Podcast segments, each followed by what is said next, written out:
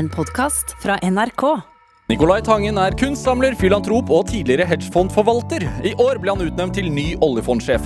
Der rår han over 11 000 milliarder norske kroner. Tangens oppgave er å forvalte vår felles formue på best mulig måte. En oppgave han har så stor respekt for at han valgte å gå flere hundre millioner kroner ned i lønn for å få lov til å utføre. Dette er Drivkraft med Vegard Larsen i NRK P2. Nicolai Tangen, varmt velkommen til Drivkraft. Tusen takk. Hvordan har du det? Så jeg har det veldig bra. Jeg, eh, Litt tørrhoste? Ja, litt tørrhoste, men jeg har det generelt eh, veldig bra. Jeg fikk besøk av familien min eh, i helgen, så de eh, skal være her i karantene, og vi skal feire jul sammen. Og jeg gikk en lang tur i går og brukte ettermiddagen på eh, å lage sild. Og nå sitter jeg jo her i Norges beste radioprogram, så det er bra. Oi, oi, For en start.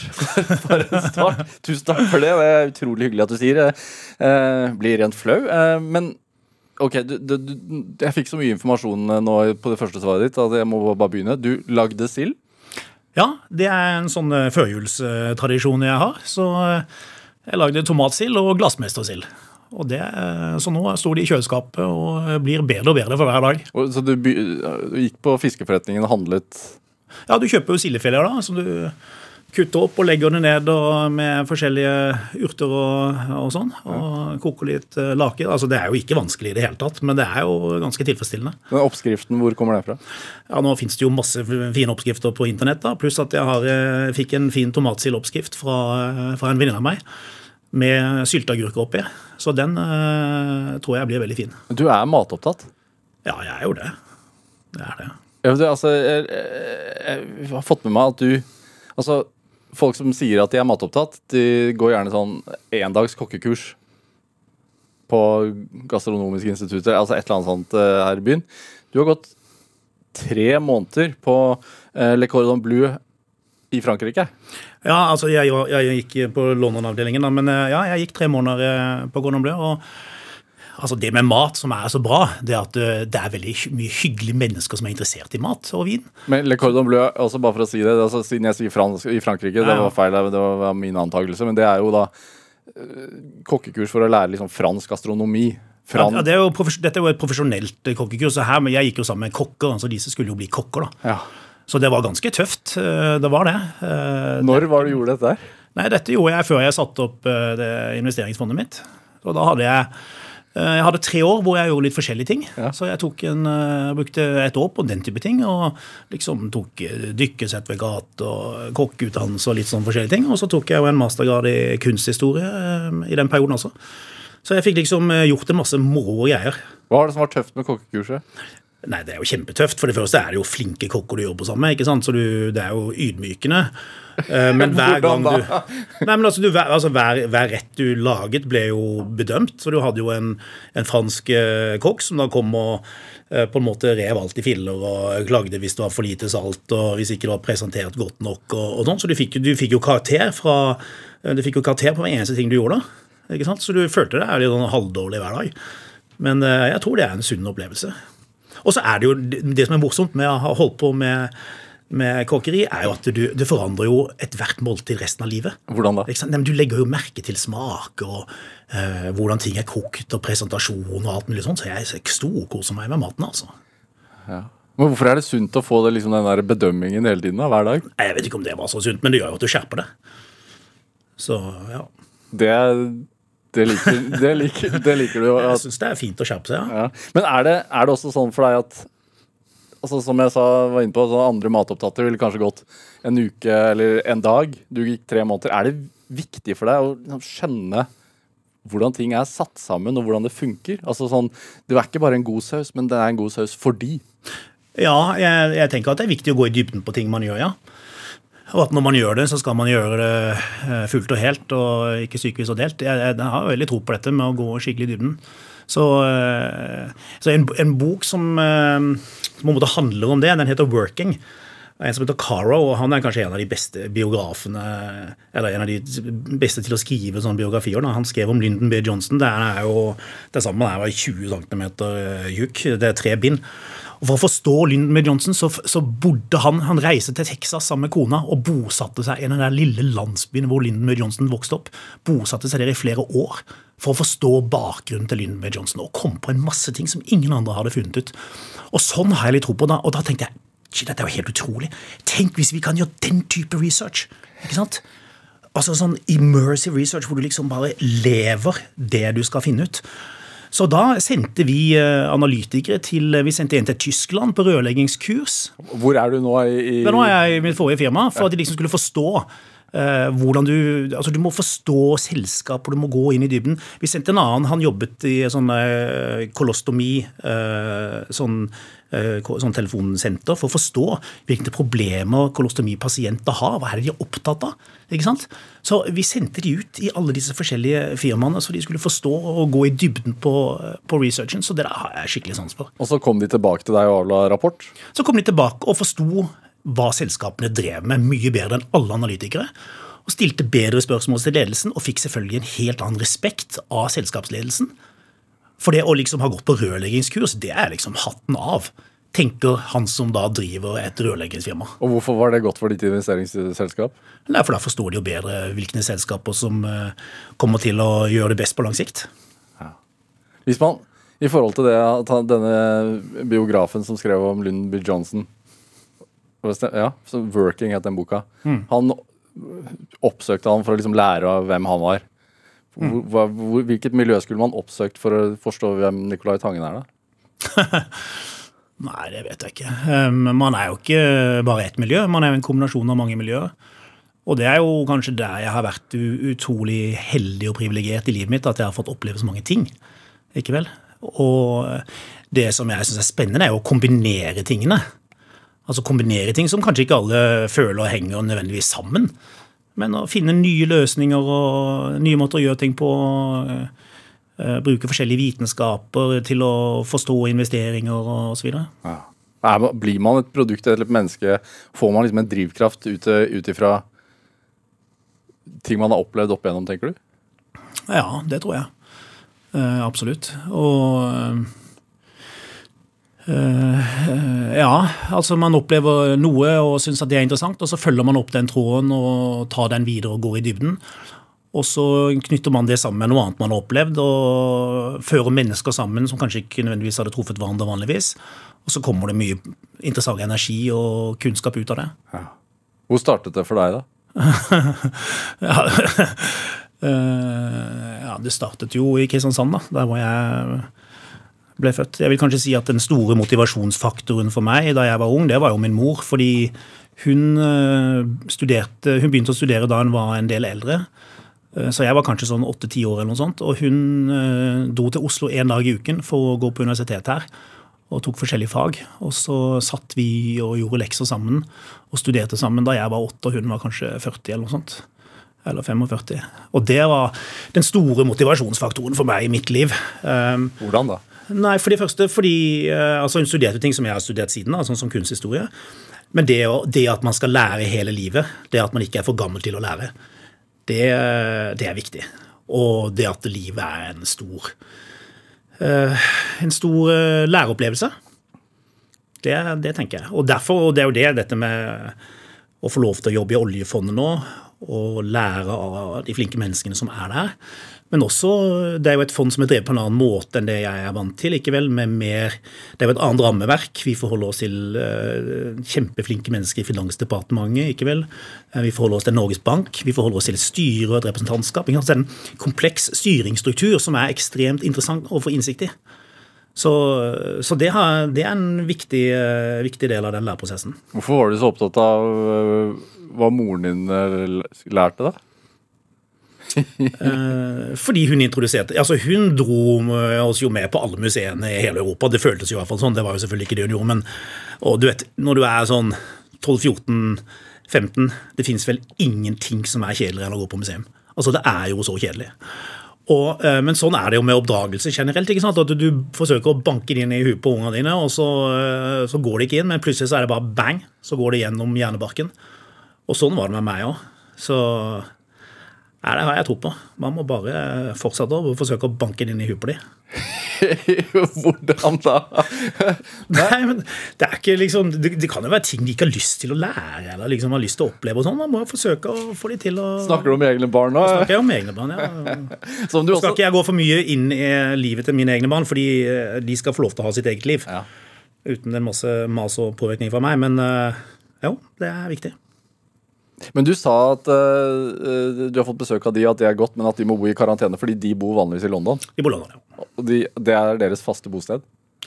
Uh, ja. Vi har uh, Ja, sånn i all hovedsak, ja. Hvordan er det for deg? Ja, nå er det jo en slags overgangsperiode, da, fordi at yngste sønnen vår har ett år igjen på skolen. Så på sikt så vil jeg jo tro at uh, vi kommer til at Altså på sikt så kommer jo dette til å forandre seg, fordi at nå er det jo korona, så det er vanskelig å fly frem og tilbake og sånn. Men det, vi har jo, Oljefondet har jo et stort kontor i London. ikke sant? Vi har 120 flinke medarbeidere der, så jeg må jo bruke noe tid i London. Og så kommer vel kona og til Oslo og bruker tid her også. Så det tenker jeg kommer til å gå kjempefint. Var det en Måtte du spørre om lov på hjemmebane før du tok jobben? Ja. Både av min kone og sønnen min, som har ett år igjen på skolen. Men det, ble, var, det var greit tydeligvis, siden du sitter her. Det var greit. Dette er Drivkraft med Vegard Larsen i NRK P2. Og i dag er oljefondets nye sjef Nicolai Tangen er hos meg i Drivkraft. Eh, Du kan også laste oss ned som podkast hvis ikke du rekker å høre hele samtalen vår, men eh, nå er du altså her eh, på direkten, Tangen. Altså, jeg sa i introen her at uh, du har gått langt ned i lønn uh, for å ta den nye jobben din. Uh, det sies at du ga avkall på 2,5 milliarder kroner for å bli oljefondsjef. Er det, stemmer det? Nei, altså jeg ser ikke på jeg, For det første så Jeg måler jo ikke livet mitt i penger. Så, øh, så de to tingene for meg er bare to helt forskjellige ting. Så jeg føler ikke at jeg har gått ned i noe som helst. Jeg føler ikke at jeg har gitt bort noe som helst. Jeg føler at jeg har fått lov til å ta en helt fantastisk jobb og jobbe sammen med de flinkeste menneskene i Norge. Så jeg føler at dette har vært helt supert. Ja, fordi jeg tenker sånn, Er det noe man forstår Altså hvis, hvis man er villig til å gå ned i lønn, så har man virkelig lyst på en jobb. Det tror jeg nok er riktig å si. Ja. Og hvorfor hadde du så lyst på den jobben? Det er mange grunner til det. Um, oljefondet er jo uh, ekstremt uh, viktig i Norge i dag, og viktigere enn noen gang før.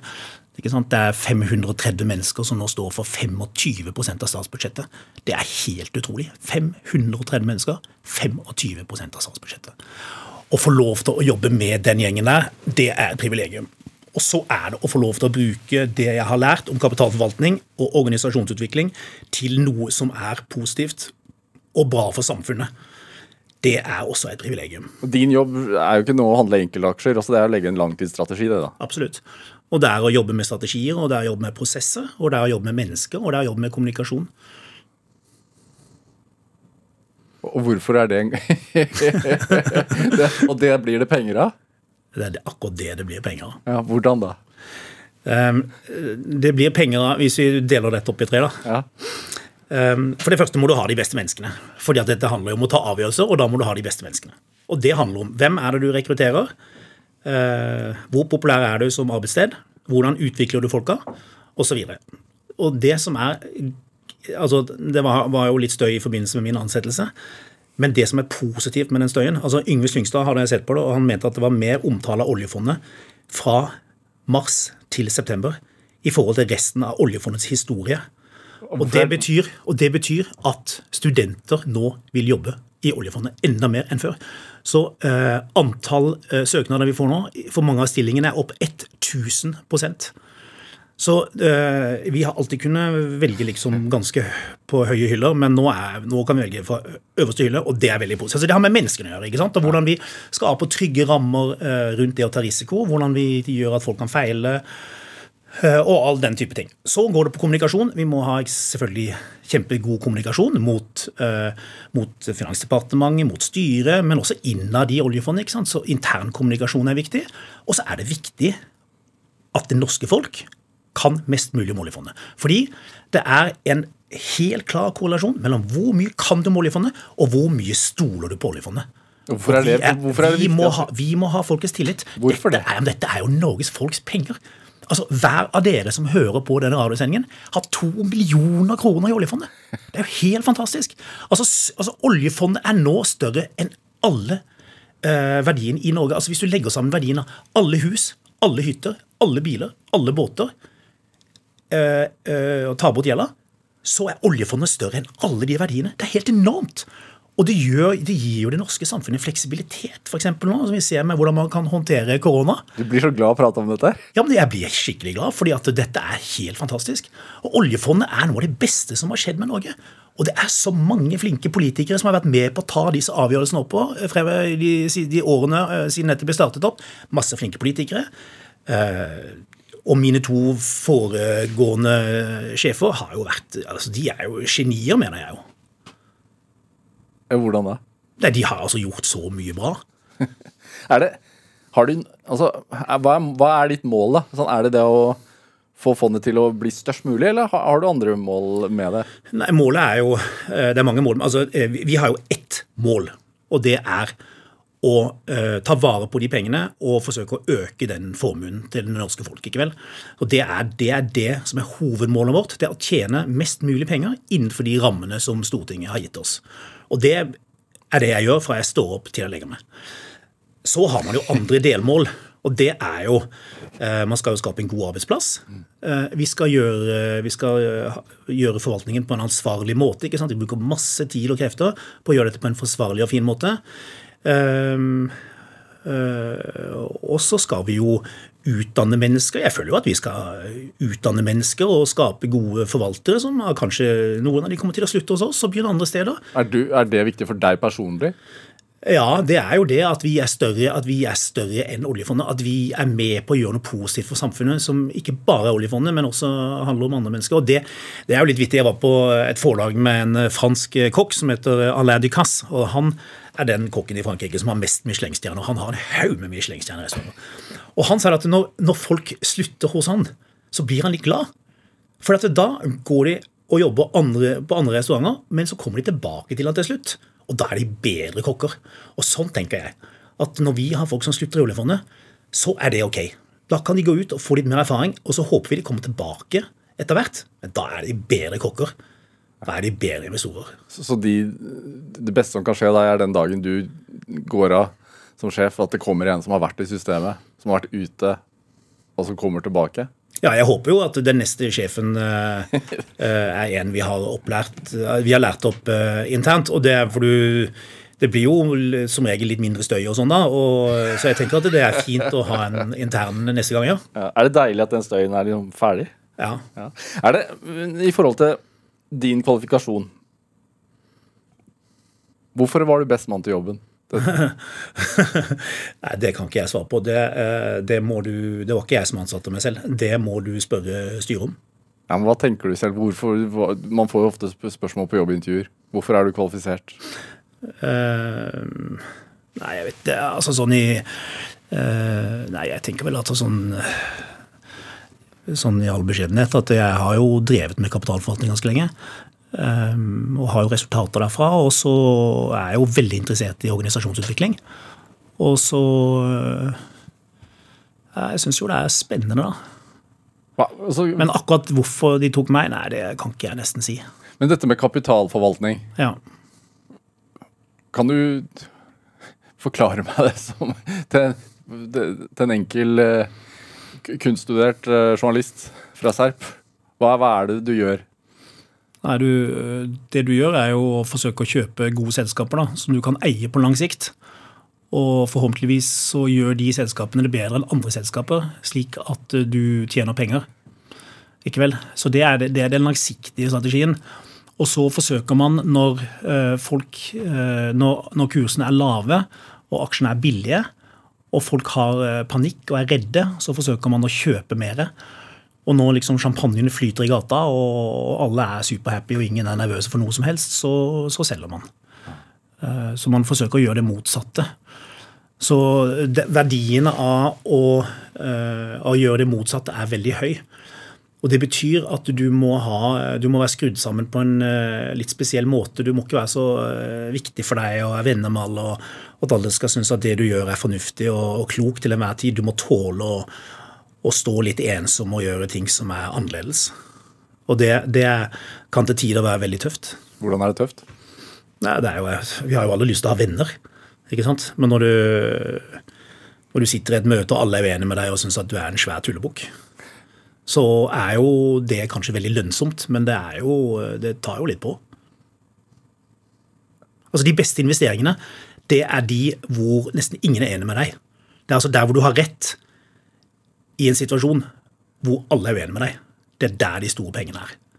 Så og det å leve i den firkanten, altså rett, Ja. uh, alle er uenige, det er en tøff firkant å leve i, og det er jo den firkanten jeg lever i. Ja, I dag også? Ja. Men i enda større grad kanskje Jeg har alltid levd i den firkanten. ja. Hvorfor er det en god firkant å være i, da? Fordi det, ja, det er den mest lønnsomme firkanten. Men det er ikke den, det er ikke den, det er ikke den du blir mest lykkelig i, men du blir, det er den mest lønnsomme firkanten. Ja, Så det er ikke noe sammenheng mellom lønnsomhet og lykke? Nei, tvert imot. Tvert imot. Ja, du øh, Investeringer det er litt sånn sånn eh, Erling Kagge sier han er mest lykkelig når han er minst lykkelig. Altså, Jo flere som er uenige med deg i, med investeringene dine, jo bedre investering er det sannsynligvis. Har du et eksempel?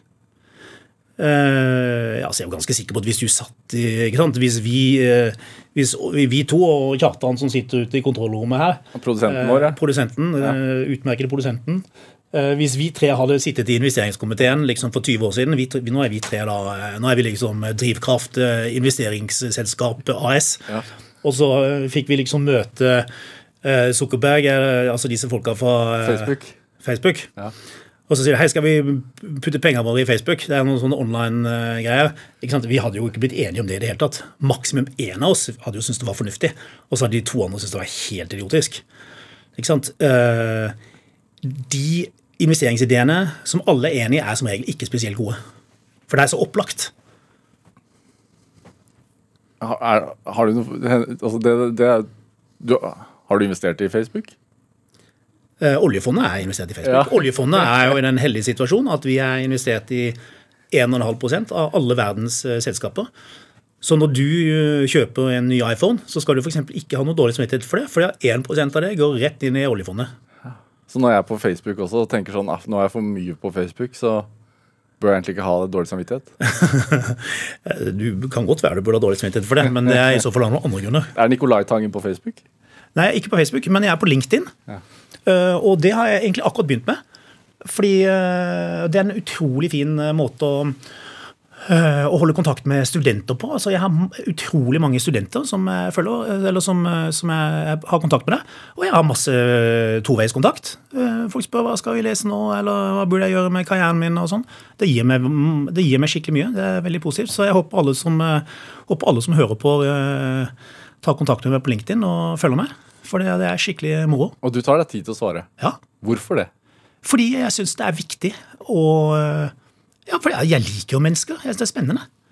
Og så treffer jeg mye interessante mennesker på, på LinkedIn. Ja, plutselig her forleden så var jo han eh, Aksel Svindal på der. Og da fant vi ut vi må jo møtes, for vi kan jo snakke om dette med å ta risiko. Hva, hva sier du da når du ringer han? Nei, Jeg gjorde det på LinkedIn. Jeg sa hei, du, så utrolig flott å treffe deg. Du er en eh, helt og eh, rollemodell for meg på mange felt, så eh, har du tid til å treffes. Så hadde vi en kopp kaffe og snakket om eh, hvordan man eh, tar risiko, hvordan man bruker sportspsykologi i, i jobb osv. Det er jo kjempe, det er kjempelærerikt for meg. Hvordan da? Ja, altså det, det med sportspsykologi altså det er, jo, Dette burde egentlig være et eget eh, radioprogram, for dette og, synes jeg er helt ufattelig spennende. Men altså Sportspsykologi er viktig fordi at du må fokusere på uh, prosess og ikke på resultater. Så hvis du bestemmer deg for at nå skal jeg bare, nå er jeg på, skal jeg ta hopp, nå skal jeg ned det hoppet, og så skal jeg hoppe utrolig langt. Ja, da går det jo skikkelig dårlig. Du må tenke på ikke sant? nå skal jeg sitte sånn, nå er jeg på hoppkanten, nå må jeg gjøre sånn, nå må jeg gjøre sånn, nå må jeg dra på nedpå her. eh, Og så, videre. så hvis du gjør alle tingene rett, så kommer du jo innmari langt. Og sånn er det med investeringer også. Du kan ikke tenke på nå skal jeg tjene masse penger. Det blir bare tull. Du må tenke på hvordan kommer jeg dit, hvordan ser prosessen ut, hvordan tar jeg risiko, hvordan eh, gjør jeg ting eh, bedre når jeg har gjort feil. Og så må du fokusere på det. Så det er, det er viktig. Og så eh, lærer sportspsykologene deg hvordan du får det, det de kaller for sånn bounce back ability. Det er jo egentlig hvordan kommer du deg opp på skia igjen når du har ramla. Hvordan tar du risiko igjen. Og det var jo noe jeg så i seiling, f.eks. For eksempel, fordi altså, hvis du kan ligge først i feltet, og så snur vinden, og så er du sist. Men det betyr ikke at du må ta mindre risiko i neste regatta. Du må ta akkurat like mye samme type risiko. Og det er det at når investeringene dine har gått dårlig, så må du fortsette å ta risiko. Du må ikke bli redd.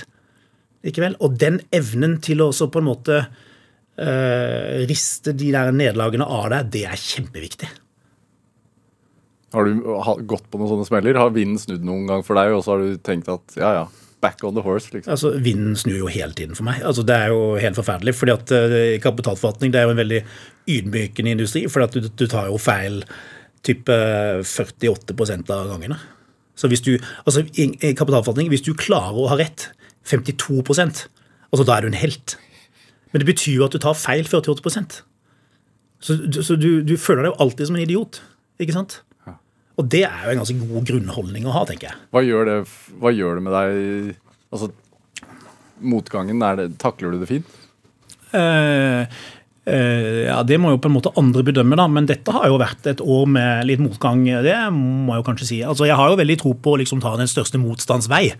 Jeg føler vel at 2020 var litt motstands vei, ja. Hvorfor er det en fin ting å ta den største motstands vei?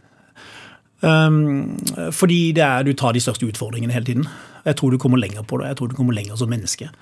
Så Hvordan? Det må du forklare. Altså, Dette her baserer seg egentlig si, det, altså det som jo var litt kleint dette året, her var jo først så var det jo litt mye støy. Men så var det jo eh, ikke sant? Og så, eh, tredje dag på jobb, så gikk jeg jo på trynet på scooteren og knuste skuldra mi. Og så på toppen av det så fikk jeg liksom korona, så jeg tenker at jeg har krysset en del bokser i år. Um, men i hvert fall, da jeg var sånn 15 år eller noe sånt, så, så, leste jeg et intervju med en ganske sånn eh, halvdårlig fransk skuespiller som heter Christophe Lambert. Og der sto det noe sånt som at jeg alltid tar den øh, beslutningen som er vanskeligst. Altså jeg gjør alt, Når jeg står overfor et valg, tar alltid det vanskeligste valget. Så skrev jeg det ned i en bok, da. Og det har liksom vært en sånn, sånn ord for meg. da. At hver gang, hvis jeg har valget mellom noe som er lett og noe som er vanskelig, så har jeg tatt det som er vanskelig. Hvorfor, det? Nei, jeg, jeg, har bare liksom, jeg har bare alltid gjort det. Hva får man ekstra av det, tenker du? Nei, Jeg tror man kommer litt lenger. ikke sant? Altså, Jeg gikk jo for på Forsvarets russiskkurs, og det var jo helt forferdelig vanskelig.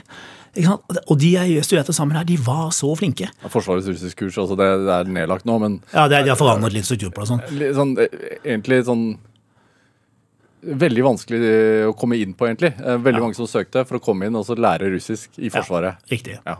Og så ble du, hvis du, jo, hvis du strøk på prøven din og sånn, så ble du, ble, ble du slengt ut. Så det var, pre, og det var, og vi, det var selvfølgelig eh, prøver hver lørdag, slik at du også fikk ødelagt fredagskvelden. Og du fikk ikke karakterene tilbake før på søndagen, så du ødela jo hele lørdagen og søndag formiddag i tillegg. Så det var jo det var jo ganske krevende. Jeg var nest dårligst på det kurset, så jeg hang jo liksom med neglene mine eh, i tapeten eh, for å forsøke å holde meg i live. Og det var, det var, ganske tøft, men det er klart at du lærer jo av det. Du lærer jo å takle motgang. Altså motgang, det, altså, Man må tåle litt motvind, og jeg tenker at ja, der lærte jeg, der lærte jeg litt motvind. Ja. Og det skrev du ned i boka som 15-åring. Lær mot, motgang, Nicolai Tangen. Ja, det var ca. det jeg skrev, ja. Dette er Drivkraft med Vegard Larsen i NRK P2. Og I dag er eh, sjefen for oljefondet Nikolai Tangen her hos meg i Drivkraft på NRK P2. Også, eh, vi må finne ut litt av dette her, hvorfor det var så viktig. Du er fra Kristiansand. Eh, hvordan vil du beskrive hjemmet ditt? Nei, Det var et ganske vanlig hjem, egentlig. Litt sånn, ja, Det var vel litt sånn øvre middelklassehjem, egentlig. Men Hvor i Kristiansand? Ja, Det var rett ut forbi eh, Kristiansand, men sånn ganske sentralt. Men, eh, og der holdt jeg på med mine ting. Som var? Jeg var jo, nei, jeg var jo, eh, jeg var jo religiøs da, i mine tidligere dager. Og det var jeg jo sånn ca. frem til gymnaset. Men da, da, holdt jeg på å si så jeg lyset, men det var kanskje jeg ikke gjorde. Men, uh, Hvor religiøs? Nei, jeg var jo f.eks. Uh, bønn- og misjonssjef i skolelaget, så det blir vel ikke noe særlig mer religiøst enn det, nei. Men, eh, men så forandret jeg jo litt, eh, litt retning, da. Så jeg gikk jo på en måte fra det til å bli eh, festgeneral i blårussen. Hva er det som, altså, så, jeg hadde jo litt å ta igjen. Hvordan det, ta, altså, sånn Når man velger, for det er et stort livsvalg, å ja. finne ut at man kanskje ikke er religiøs likevel. Ja. Hva, hvorfor, hva skjedde? Nå vil ikke jeg si at jeg er ikke religiøs, men det er jo kanskje et, en annen type bevissthet på det. Og jeg har jo beholdt veldig mye av verdisynet. Men jeg mener man kan ha et kristent og verdisyn, selv om man ikke nødvendigvis er, er liksom Bekjenner seg som personlig kristen. Så, men, det jo, men, det var altså viktig for i oppveksten, dette kristne miljøet. Og i Kristiansand er det jo et sterkt kristent miljø.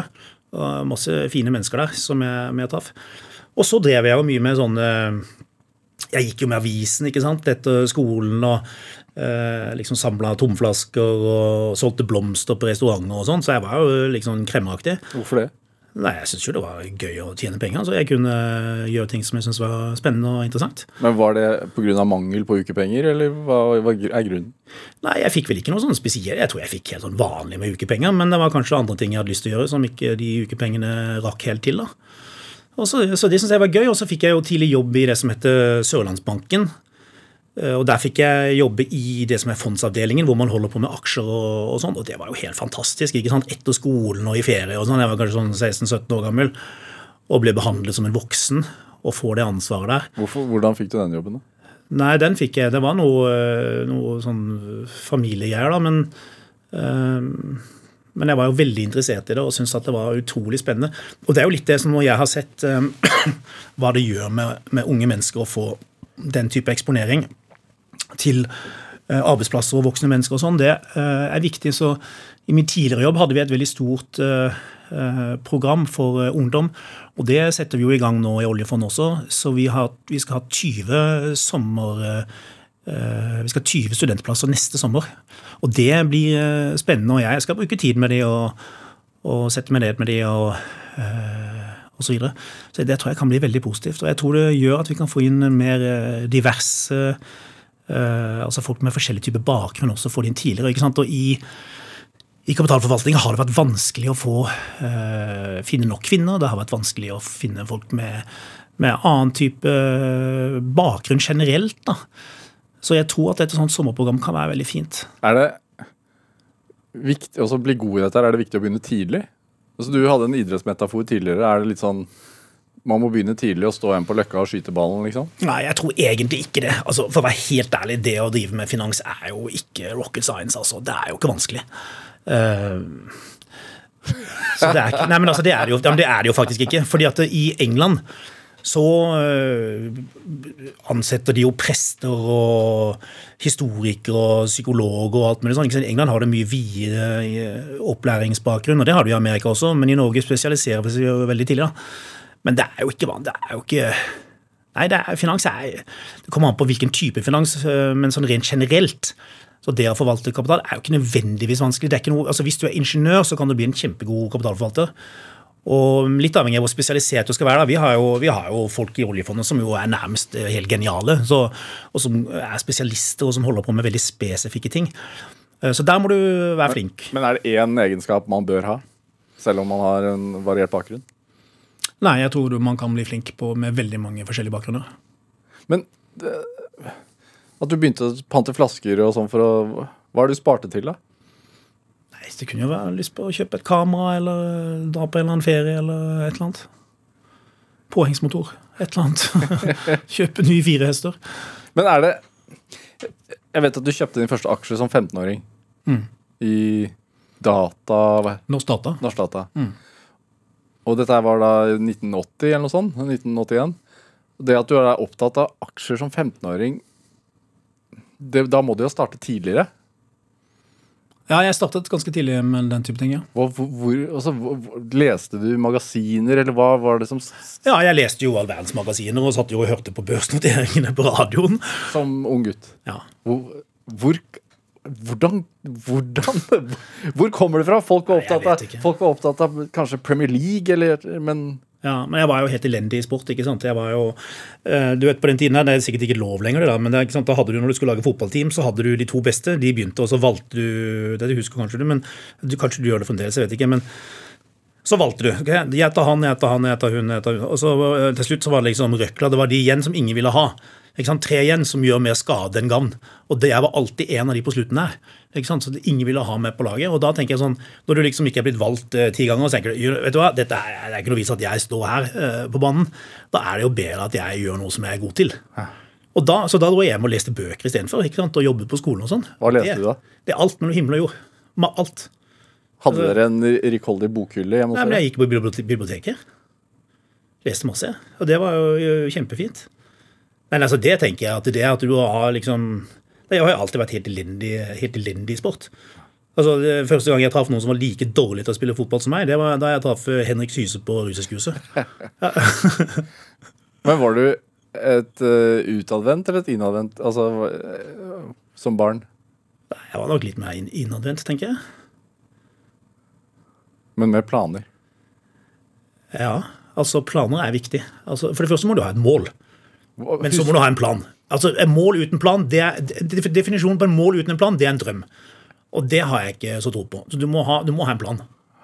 Og da du som 15-åring skriver i boka di mest mulig, mest mulig motstand eh, for å nå lengst mulig Ja, nå var det vel kanskje ikke akkurat Nei, Men det var sånn jeg. Jo, jo. Ordet, det Nei, nei, nei, men, altså, nei, men det var ja, jeg skrev det. Ja. Det er sant. Nei, Så jeg har jo gjort vanskelige ting, da. Hva, har du, sånn- er du en strateg, og så ser du Siden du også har gjort det godt i, i den type yrke som du, som du eh, er i, så har, må du jo ha evnen til å se litt lenger. Ja, jeg, jeg, ja jeg, du jeg, tenker ganske langsiktig, langsiktig. Det Ja. jo Fra tidlig av. Ja. Husker du liksom det første målet du satte? Nei, det husker jeg ikke. Men, men- vet du hva? En ting som var Jo, eh, veldig tidlig tenkte jeg at jeg skal jobbe med, med finans i London. Veldig tidlig. Hva er veldig tidlig? Nei, det var, det var når jeg var kanskje 15-16. da. At det var liksom drømmen hele tiden. Og at jeg skulle drive med, med finans. Det var, det, det var jeg bestemt på hele tiden. Og så begynte jeg i Bergen, på Handelshøyskolen, og hadde et fantastisk år der. Og traff folk som er mine beste venner. Eh, helt utrolig bra år. Og så eh, var det noen som fortalte meg at hvis man skal drive med finans, så er denne skolen som heter Wharton, det er liksom, det er liksom top of the pop. Hvem fortalte deg det? Eh, Det var det faktisk Kristen Sveås som fortalte meg. Som, eh, Hvordan traff dere? Nei, vi traff hverandre helt tilfeldig. Uh, i en, en, en sammenheng. Men uh, så fortalte han meg det, og da tenkte jeg sånn Jeg kunne ikke engang skrive Wharton, jeg visste ikke staven engang. Men så begynte jeg å se på det, og så så det bare helt fantastisk ut. Og så søkte jeg dit. Og så kom jeg inn, og, komme og kom ut derfra med en rakett i rumpa. Hva vil det si? Nei, Det vil si at når du går på, på amerikanske universiteter, så er de ganske gode til å bygge opp selvtilliten din og fortelle at du er kjempeflink. Ja. Og, eh, og det er viktig at noen forteller deg at du er kjempeflink. Og det, det, det Hadde du følt på det motsatte? Nei, ikke nødvendigvis, men det bekymrer meg litt eh, nå til dags at det er for få som forteller ungdommene at de er kjempeflinke. Det er eh, viktig, og det er litt det jeg liker på LinkedIn. At jeg kanskje forhåpentligvis kan gjøre noe hyggelig for eh, ungdom og, og sånn. Fordi det er ikke lett å være ungdom, og det bekymrer meg faktisk. og det er vanskeligere enn før pga. sosiale medier, og du må være populær. ikke sant? Og så er det, det er et komplisert samfunn å vokse opp i, og så får du sånn som øh, eh, koronasituasjonen som- hvor de går glipp av mye av utdannelsen sin, hvor de treffer venner mindre. Disse årene, disse enkelte årene når du er sånn 16-17-18, de er så, så viktige. Hvert enkelt år er så viktig. Så det, det syns jeg er innmari leit. Ja, det, det går inn på meg. Så øh, Så Derfor er det viktig å fortelle ungdommen at de er flinke. Og øh, det er da også amerikanske universiteter veldig flinke til. Men jeg tenker at vi burde bli mye flinkere til alle sammen. Hvordan var det viktig for deg da, de årene? Tenårene? Slutten av tenårene? Nei, de var vel som andre tenåringer, tenker jeg. Men jeg var jo veldig keen på det jeg lærte på skolen der borte, da. Eh, Så jeg brukte jo mye tid på lesesalen. Ja. Er det eh, Jeg tenker på det med ungdommen. Altså, du har med musikk til meg i dag. Ja. Du har med en eh, låt av Sigrid, 'Don't Kill My Vibe'. Mm. Hun er ikke ungdom lenger, da, men hun er relativt ung. Mm. Hvorfor har du med den låten? Um, jeg har med den fordi uh, jeg var på Glastonbury uh, musikkfestival for tre år siden. Og da bor du i telt i tre dager og hører på musikk. I England. Ja.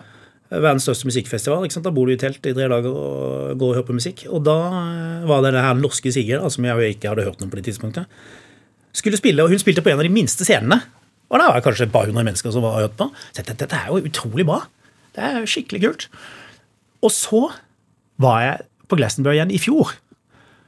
Og da var hun på en av de største scenene. Hun var på den nest største scenen. Altså, det er, det er svære greier, altså. Og så, så, var det så bra. Det var den største musikkopplevelsen min på Glastonbury. Og jeg kom tilbake i teltet på kvelden. Og så, Jeg kjenner inn i kulturavdelingen i NRK, og så skrev jeg meg. Jeg har hatt min største musikkopplevelse. Jeg håper dere i Norge forstår hvilket talent hun er, og hvor fantastisk langt hun er kommet. Så øh, det var bare veldig kult. og Jeg syns det er flott at Norge har sånne unge, flinke talenter sånn som det, som jobber beinhardt. Så det var derfor jeg tok den. Og du skrev den mailen? Ja. Du liker å hjelpe folk, du? Ja, jeg vet ikke om jeg hjalp henne, men var, bare, altså, det var bare en så stor opplevelse. Jeg syns det var kult at en ung jente her eh, lager så bra musikk. La oss høre det. Gjør det.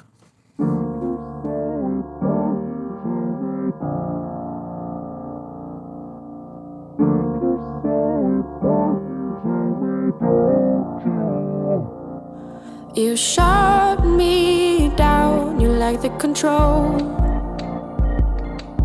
You speak to me like I'm a child. Try to hold it down, I know the answer. I can shake it off, and you feel threatened by me. I try to play it nice, but oh, oh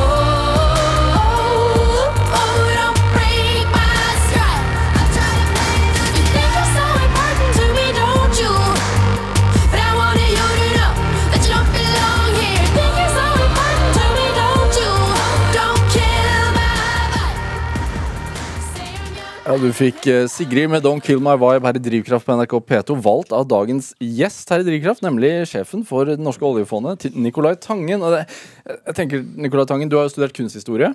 Eh, Du vet du er opptatt av samtalepsykologi, at du har studert liksom måten man prater sammen på. Eh, Og jeg- veit at du er veldig opptatt av å hente kompetanse fra forskjellige Altså mennesker med forskjellig bakgrunn.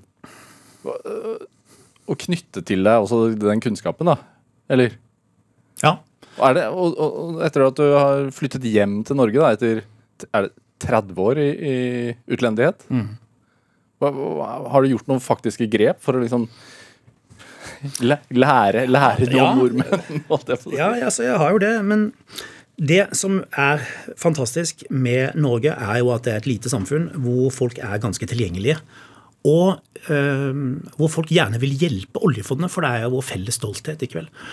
Så eh, og jeg forsøker å treffe folk som kan gi innsikt i forskjellige deler av fondet. Hvordan vi kan gjøre forskjellige deler av prosess og, og tankegang enda bedre. ikke sant? Så jeg hadde med, Og dette er jo folk som du har hatt med i eh, programmet ditt, Vegard. Og det er jo um, har jo også vært inspirerende å høre på mange av disse, disse podkastene. Men um, for eksempel så hadde vi med ledergruppa ned til, eh, ned til um, Kjetil Thorsen i, i Snøhetta for å lære om eh, Arkitekten, kjenner? Arkitekten ja. for å lære om eh, kreativitet og hvordan man lager rammer for å ta risiko. Vi, hadde, vi var oppe og besøkte Folkehelseinstituttet for å lære om hvordan tar man det som er en komplisert, et komplisert budskap, og formidler det ut til folket. For det er jo viktig. Det må oljefondet også gjøre. Um, vi har lært om internkommunikasjon fra skipssteder og Skatteetaten og andre som gjør det på en bra måte. ta traff forsvarssjefen for å snakke om talentutvikling eh, osv. Så, videre. så det er eh, fantastisk spennende å få lov til å møte alle disse flinke menneskene. Og de gir oss innsikt og ting som vi kan bruke i oljefondet. Hvordan er det Så mange kreative mennesker forteller at de har sånn hjerne som går på et slags sånn høygir. Hvordan er det oppi hodet ditt? Ja, det går litt eh, høyere innimellom, ja. Men eh, ja da, det gjør det. Det er klart at det, det, når, når fredagskvelden kommer, så er det jo innimellom godt å få seg et glass rødvin. Men, men i forhold til det altså at kunnskap om forskjellige, altså arkitektur, kunst, øh, idrettspsykologi Alt med liksom samme mål om å bli best mulig? Eh, ja, det er jo det, men det handler jo ikke bare om det. Det handler jo om å treffe mennesker også. Jeg synes jo det, det er kanskje en av de tingene de siste ti årene som har vært den største reisen for meg. Det er å bli enda mer opptatt av, opptatt av mennesker. Og det er jo øh, egentlig noe jeg har lært av kona mi. Øh, det er å se menneskene. Og det, det har vært en reise. Og Hvordan da? Nei, det er jo på en måte å se det at øh, alle individer har en story. Og at det er spennende å snakke med folk. Og at vi har ting til felles med alle. Ha- har- Det er forhold til foreldrene våre og søsknene våre og alt mulig sånt. Har din drivkraft som menneske forandret seg underveis? Altså ja, ja, absolutt. Fra å bygge opp et kjempevellykka hedgefond i, i London til nå Det, det har nok gått fra ikke sant? Du kommer ut av Kristiansand, og man, man har vel mindreverdighetskomplekser i større eller mindre grad, alle sammen. ikke sant? Man vil vise verden, og det var viktig. Og når du kommer fra Kristiansand, så vil du vise alle i Oslo at du kan få ting til. Og så flytter du til London, og så vil du vise at du kommer fra Norge og at du kan få ting til der. Så det, det å vise verden er jo selvfølgelig det er jo noe vi alle vil. Men så forandret det seg. Og så har det gått med på å gi tilbake og, og gjøre ting som jeg mener er bra. Hvorfor forandret det seg? Eh, Du kommer vel til et punkt i livet hvor du på en måte har nok, og hvor du tenker at jeg ja, har nok greier. Nå handler det om noe annet. Og så brukte jeg mye tid på å forstå ting, f.eks. innenfor utdannelse. Og brukte mye tid på altså nå, nå, Dette her er ikke noe politisk statement, det er veldig viktig å få frem, for jeg kan ikke si noen ting som er politisk. Det har jeg gjort én gang før, om arveavgiften. Det var ikke spesielt fornuftig. I hvert fall, Jeg brukte mye tid på å mm, sette meg inn i utdannelsessystemet og hvordan urettferdighet begynner dag én. Altså, du, du vokser opp i et mindre privilegert hjem. Det er mindre ordforråd, mindre bøker, mindre oppmerksomhet fra foreldre ofte. Og så fortsetter det bare. Ikke vel? Og så den urettferdigheten, det fortsetter bare livet ut. Du, dårligere kosthold, mer eh, sykdommer, mer eh, alt mulig. Mindre motivasjon til å ta høyere utdannelse. Ikke forståelse om at det er viktig å ha en sommerjobb. Og kanskje ikke har du råd til å ta sommerjobb heller, som ikke er betalt. Så øh, det er bare så mange av disse tingene som jeg ikke syns var noe bra. Og så endte jeg for å bruke penger og ressurser på å forsøke å gjøre det lille jeg kan gjøre. da. Så det var nok øh, ganske Det forandret. Var det derfor du også etablerte AKO Foundation? Ja, blant annet. Ja. Som er Som er det øh, Altså pengene altså pengene si, begynner jo, det er jo sånn kristen bakgrunn da, med å gi 10% av det du tjener. da, ikke sant? I sånn tiende, Det gjorde man jo i gamle dager. Så det begynte jeg jo med. og så liksom 10% til stiftelsen, og så økte det. og Så var det 50% og i fjor var det 75% og nå har jeg jo gitt hele, gitt hele min eierandel i, i Capital til den stiftelsen. da. Og den deler ut til en masse fantastiske utdannelsesprogrammer, annet. Pluss at den er jo også støtter kunst og kultur. Er det, ja. Altså Var det ett øyeblikk som gjorde at du tenkte sånn Nå er det nok, Tangen. Nå må du begynne å hjelpe andre. Nei, det var ikke ett øyeblikk, men det var en uh, Det var en gradvis tankegang. Gradvis uh, forandring oppi huet, tenker jeg. Er det Er det for lite nestekjærlighet, tenker du? Eller hva tenker du i, samfunnet generelt? Vet du hva? Jeg tenker at kjærlighet kan man aldri få nok av. Er det et av de kristne liksom, verdiene du har tatt med deg? Nei, det er en mellommenneskelig eh, begrep som du finner ikke bare i kristendommen, men det finner du i mange religioner, og buddhisme og overalt. Nei, kjærlighet, det må vi ha mer av. Er det eh, i, I forhold til det du sier, at du må være forsiktig med å ikke si noe politisk. Ja. Tenk, altså, er det nå blitt en fare i den posisjonen du har? At ting du kan si, kan gjøre at kurser svinger hit og dit? og... Nei, men det slo meg jo at jeg måtte være forsiktig med hva jeg Altså, jeg gikk jo på det bananskallet på den første pressekonferansen min. ikke sant? Det hadde jo ikke vært eh, annonsert i mer enn ti minutter før jeg gikk rett på det skallet der. Så Eh, Den fikk jeg jo midt i fleisen, og det var jo fint det å få gjort det med en gang. liksom. Så da skjønte jeg jo at for det første, folk hører jo på det jeg sier, og det, er jo helt, det har jo ingen som har gjort før, så det var jo interessant. Um, Men at alt ble på en måte tillagt en betydning. Eh, Nå er ikke dette noe problem for meg, for jeg er faktisk ikke en politisk person. Altså, jeg, har, jeg, jeg er ikke politisk, så det er ikke noe problem. Var det ikke sånn at du ble valgt inn en gang eh, til et eller annet uh... Jeg ble valgt som partipolitisk uavhengig kandidat. Ja, Og det har jeg vært siden. hva var det til? Det var Vest-Agder gymnasiastutvalg. Ja, Det var gjort leksa di, du. hvor du, hvor var du, du hadde egentlig ikke tenkt å stille til valg? Nei, men så var det en fight mellom, eh, mellom eh, de konservative og de radikale. Og så Altså høyre og venstre? høyre og venstre. Så kom jeg inn i midten og sa at her, istedenfor å krangle, så må du stemme på meg. Hva, hvor, hvor gammel var du da? Jeg var kanskje 18. Ja. Og hva, var- hva var talen din? Nei, det var vel cirka Det var sånn sånn, sånn Cirka. Ja. Og du ble valgt inn. Ja. Jeg ble leder for gymnasialutvalget. Benk. 3600 studenter. Benket inn 13 mot 1 stemmer eller et eller annet sånt. Jeg husker ikke helt korrekt hva jeg leste. Ja, noe sånt. Det er du stolt av i dag å se. Nei, jeg hadde glemt det faktisk helt Ja. frem til det sto i en sånn eh, DN-greie. En sånn artikkel. Jeg hadde helt glemt det, men, eh, men det var sant. Men da må du ha vært en ganske populær fyr. Nei, det vet jeg vel ikke.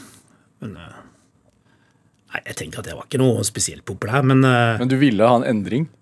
jeg var keen på endringer. Hva, hva var målet den gang da, på gymnaset? Målet var jo å representere studentene på en best mulig måte og få, få ting til. Ja. Er det, altså Når du har vært Men jeg var jo, også var jeg jo, jeg var jo eh, festgeneral i Blårussen, så vi lagde jo noen svære fester og sånt også, så det var ikke bare liksom seriøs skolepolitikk. Jeg har jo hatt litt moro. og på taket på russebussen, har jeg hørt. Blåruss eh, festsjef. Ja, jeg var festsjef i Blårussen. Ja. Eh, når, du, når du har vært ute i verden og liksom forstått, altså virkelig forstått hvordan pengemarkedet fungerer, og det er det som det er det som rår, holdt jeg på å si, eh, ofte. Hvilket syn er det liksom, hvordan, Hva tenker du om verden som helhet? Det er et veldig stort spørsmål, men Ja, det er et stort spørsmål. Eh, Men det er naturligvis et viktig spørsmål. Jeg vet hva, jeg har egentlig ikke så veldig stort syn på verden. fordi eh, det jeg har funnet ut at det er, det er mange makroøkonomer og sånn som bruker mye tid på det, men jeg har egentlig sett at de store tingene altså de store tingene som kommer rett inn fra venstresida, de er det ingen som har forutsatt. som korona. Korona, finanskrisen, de store tingene. De som virkelig Altså eh, japanske atomreaktorer som blåser opp. Altså de store tingene.